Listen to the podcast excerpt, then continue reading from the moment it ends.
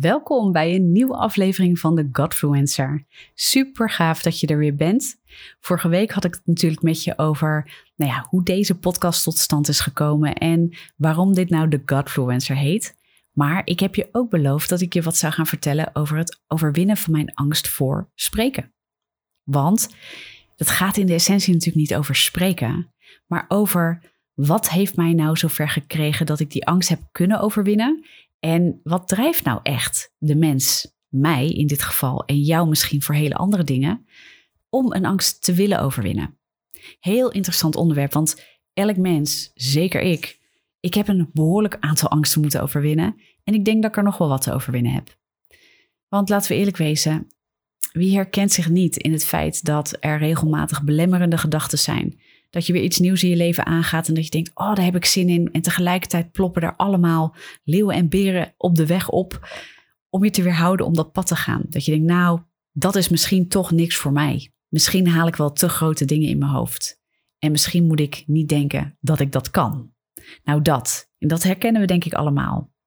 Moet je zeggen, toen ik uh, me de vorige keer bedacht van nou, daar ga ik het eens over hebben, dacht ik, oh, ik weet niet hoe ik daar op een hele simpele, praktische manier nou eens een korte, leuke podcast over kan maken. Maar ik ga het proberen. En uh, ik heb voor mezelf een richtlijn, namelijk jij.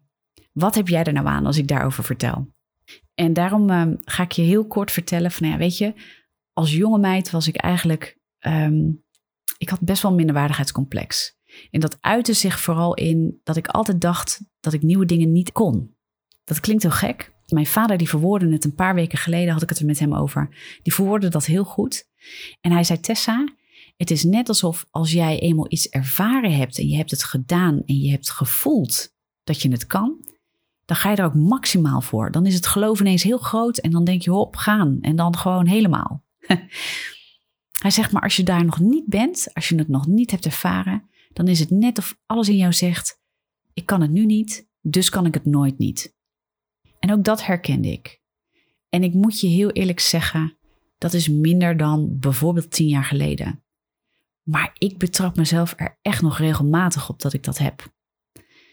En nu zul je misschien afvragen, Tessa, hoe ben je dan gekomen van iemand die bang is voor spreken in het openbaar tot iemand die nu een podcast opneemt of die video's maakt op social media, waarbij je hartstikke zichtbaar bent voor vele mensen? Wat heeft je dan gedreven tot het willen overwinnen van zo'n angst? Want je kan er ook voor kiezen, heel simpel, om het niet te doen. En die keuze had ik ook natuurlijk. Ik had de keuze om niet een podcast te willen gaan maken of op YouTube of op social media video's te willen gaan maken. Maar herken je het dat je soms zo'n verlangen hebt om iets naar buiten te brengen, iets wat in je leeft, waar je zo'n vreselijke passie voor hebt. Of misschien heb je wel zo erg ergens een frustratie in dat je weet, dat je weet, dat je weet, je moet daar iets aan veranderen. Jij moet daar iets aan doen. En allebei heeft een, is een hele grote drive voor ons als mensen om iets te willen veranderen. Dus een heel sterk verlangen voor iets of een enorme frustratie zet ons vaak in beweging, maakt de urgentie heel groot waardoor we iets willen gaan doen.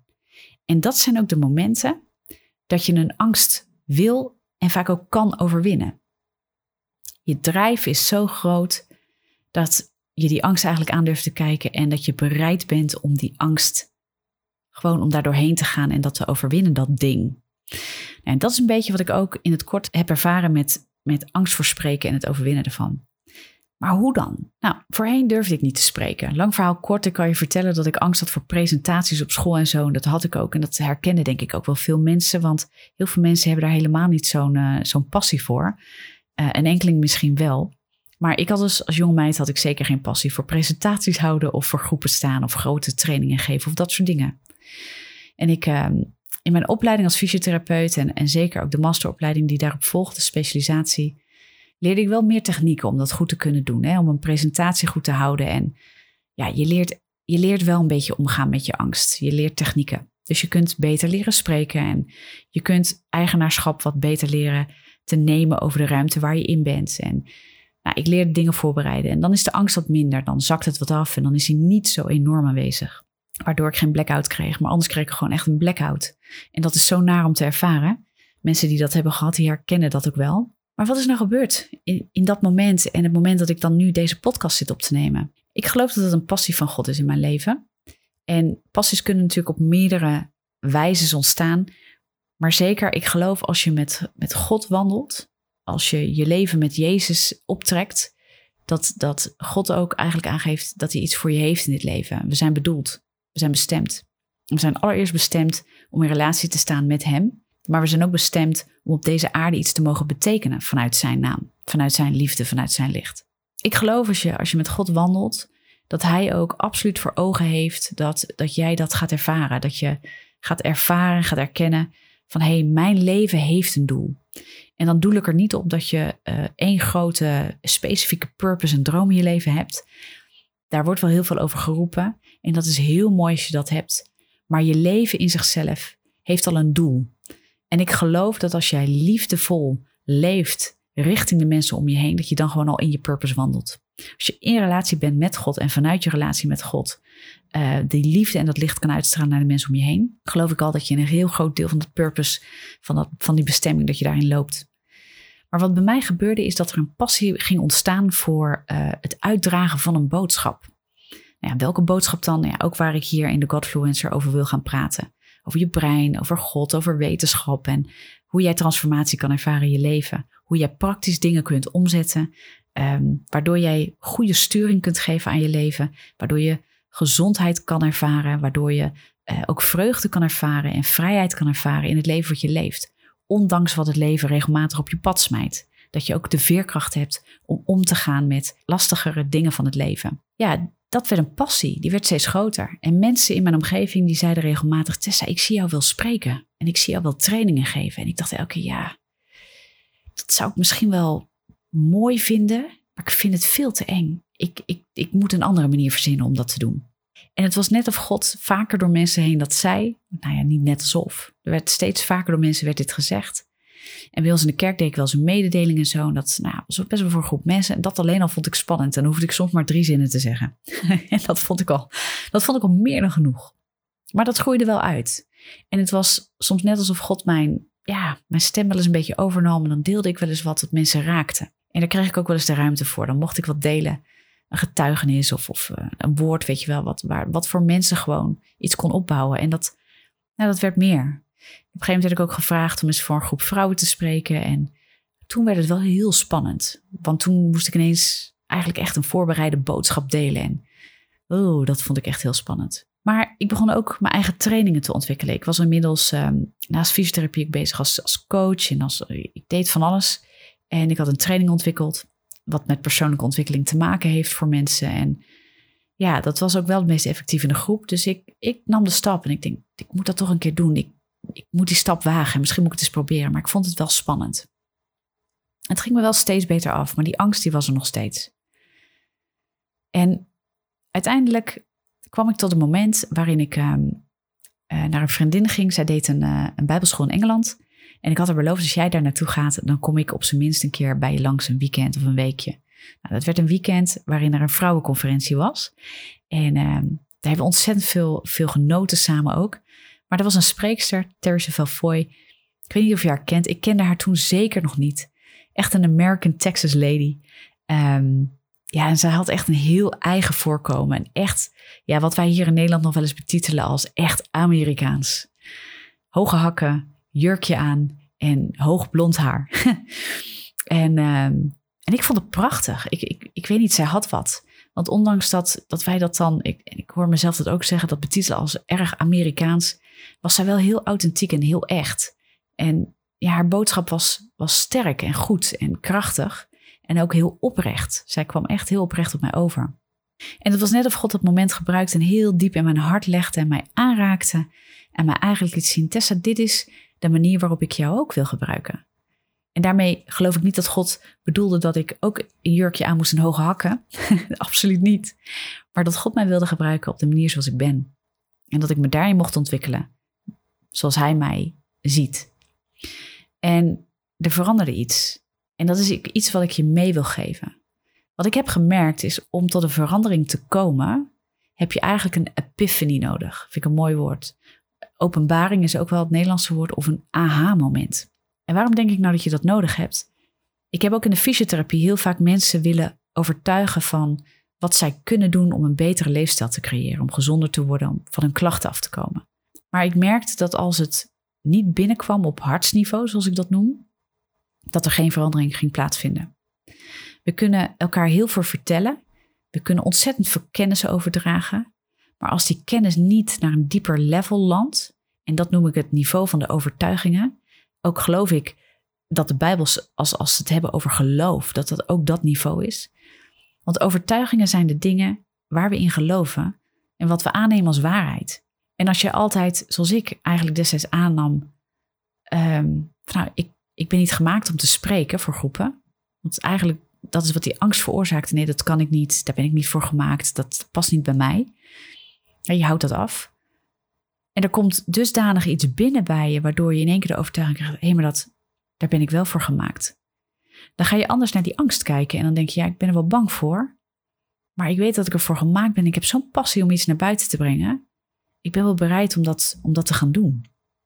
Dat is wat daar gebeurde. En ik geloof ook, als ik, ik werk heel veel met mensen en met leefstijlveranderingen. Mensen die klachten hebben, hebben heel vaak ook nodig om hun leefstijl onder de loep te nemen en daar wat mee te gaan doen. Want daar is zoveel te behalen. Er is zoveel gezondheid te behalen in, in wat wij dagelijks doen, waar we heel vaak ook niet van bewust zijn. En bewustwording is de eerste stap. Vaak als je bewust wordt van dingen, kan het ook landen. Dan kan kennis zich ook omzetten in: hey, wacht even, hier kan ik wat mee. Maar dan moet er ook een bewustwording komen van: hé, hey, maar hier mag ik echt wat mee, hier moet ik zelfs wat mee. En dat is als verlangen en frustratie soms. Soms is frustratie ook iets wat ons enorm in beweging kan zetten, maar een heel sterk verlangen doet dat ook.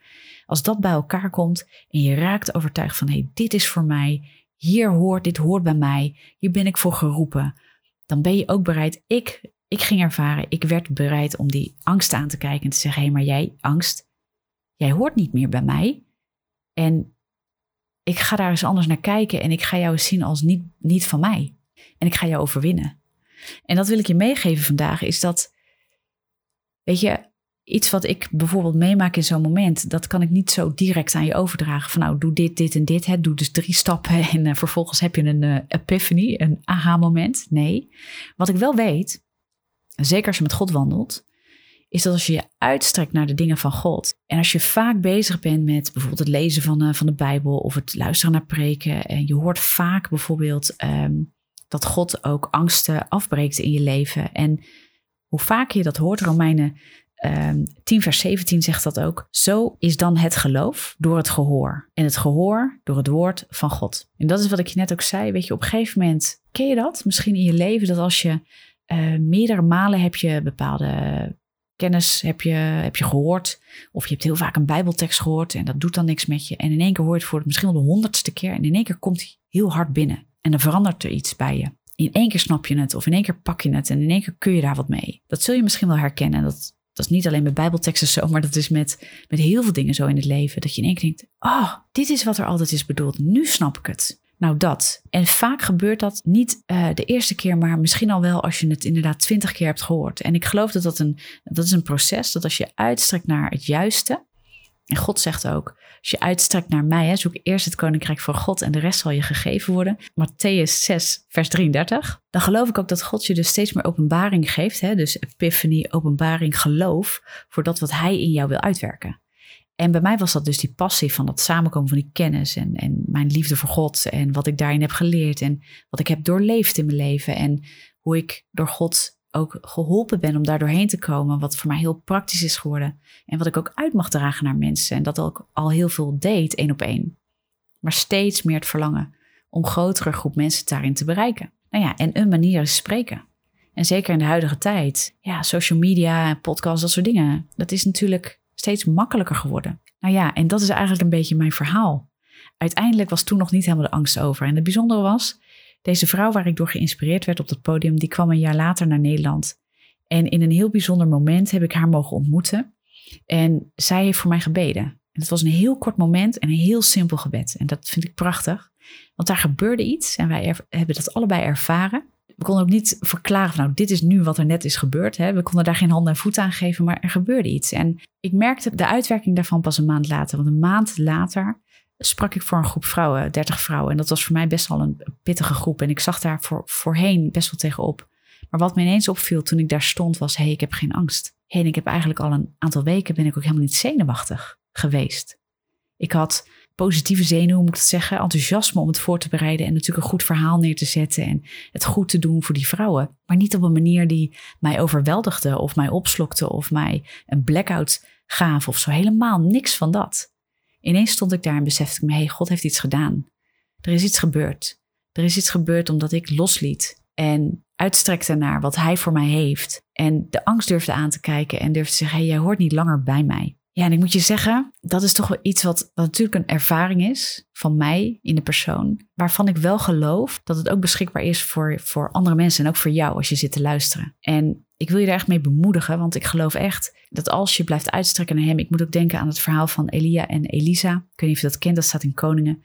Elia was een grote profeet van God en Elisa uh, was bestemd om zijn opvolger te worden. En uh, heeft hele lange tijd uh, als dienaar van, van Elia, nou ja, aan hem gediend in dit proces wat, wat Elia te doen had met God.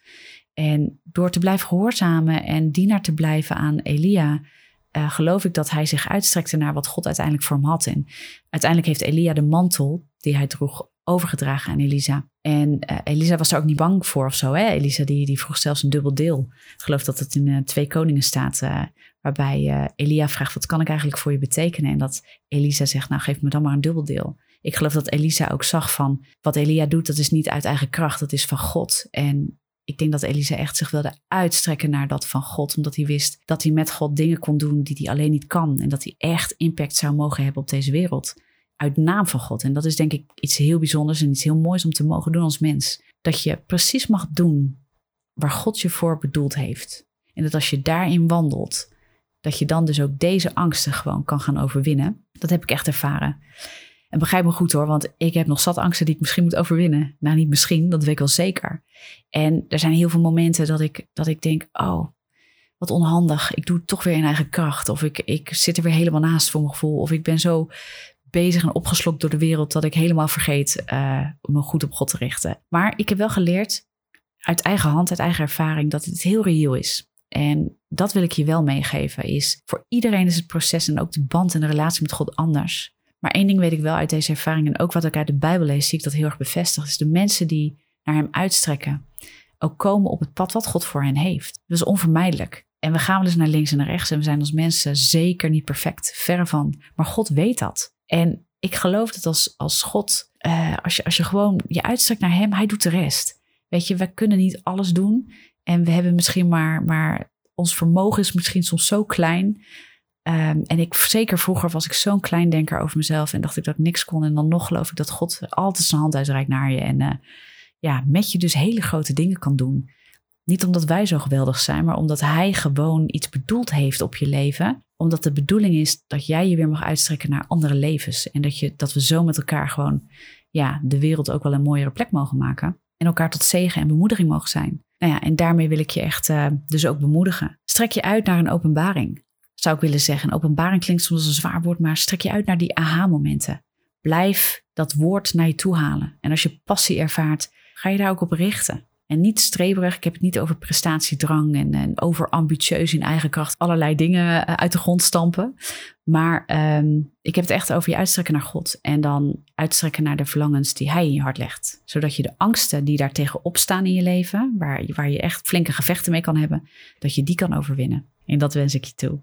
Hey, als je wat hebt aan deze podcast, als je er wordt opgebouwd of aangevuurd of wat dan ook, of je denkt, joh, dat kunnen andere mensen gebruiken, deel hem zeker. Deel hem op je social media, Instagram, Facebook, dat soort dingen.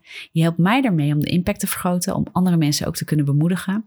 En zo meteen ook veel meer te kunnen leren praktisch over het brein en God en een stukje wetenschap op een hele simpele, leuke manier. En je weet, ik hou van gave en gevatte content over dit soort dingen. Dus uh, ik zal ook zoveel mogelijk delen waar jij wat aan hebt. En uh, nou ja, voor nu heb ik een stukje ervaring hopelijk ten goede met je mogen delen. Zodat je er ook wat aan hebt en dat je iets om kan zetten in jouw leven. Zodat je angsten aan kunt gaan en uh, ze gewoon kunt gaan overwinnen met God. Ik wens je verder een hele fijne dag en ik hoop je snel weer te spreken hier op deze podcast.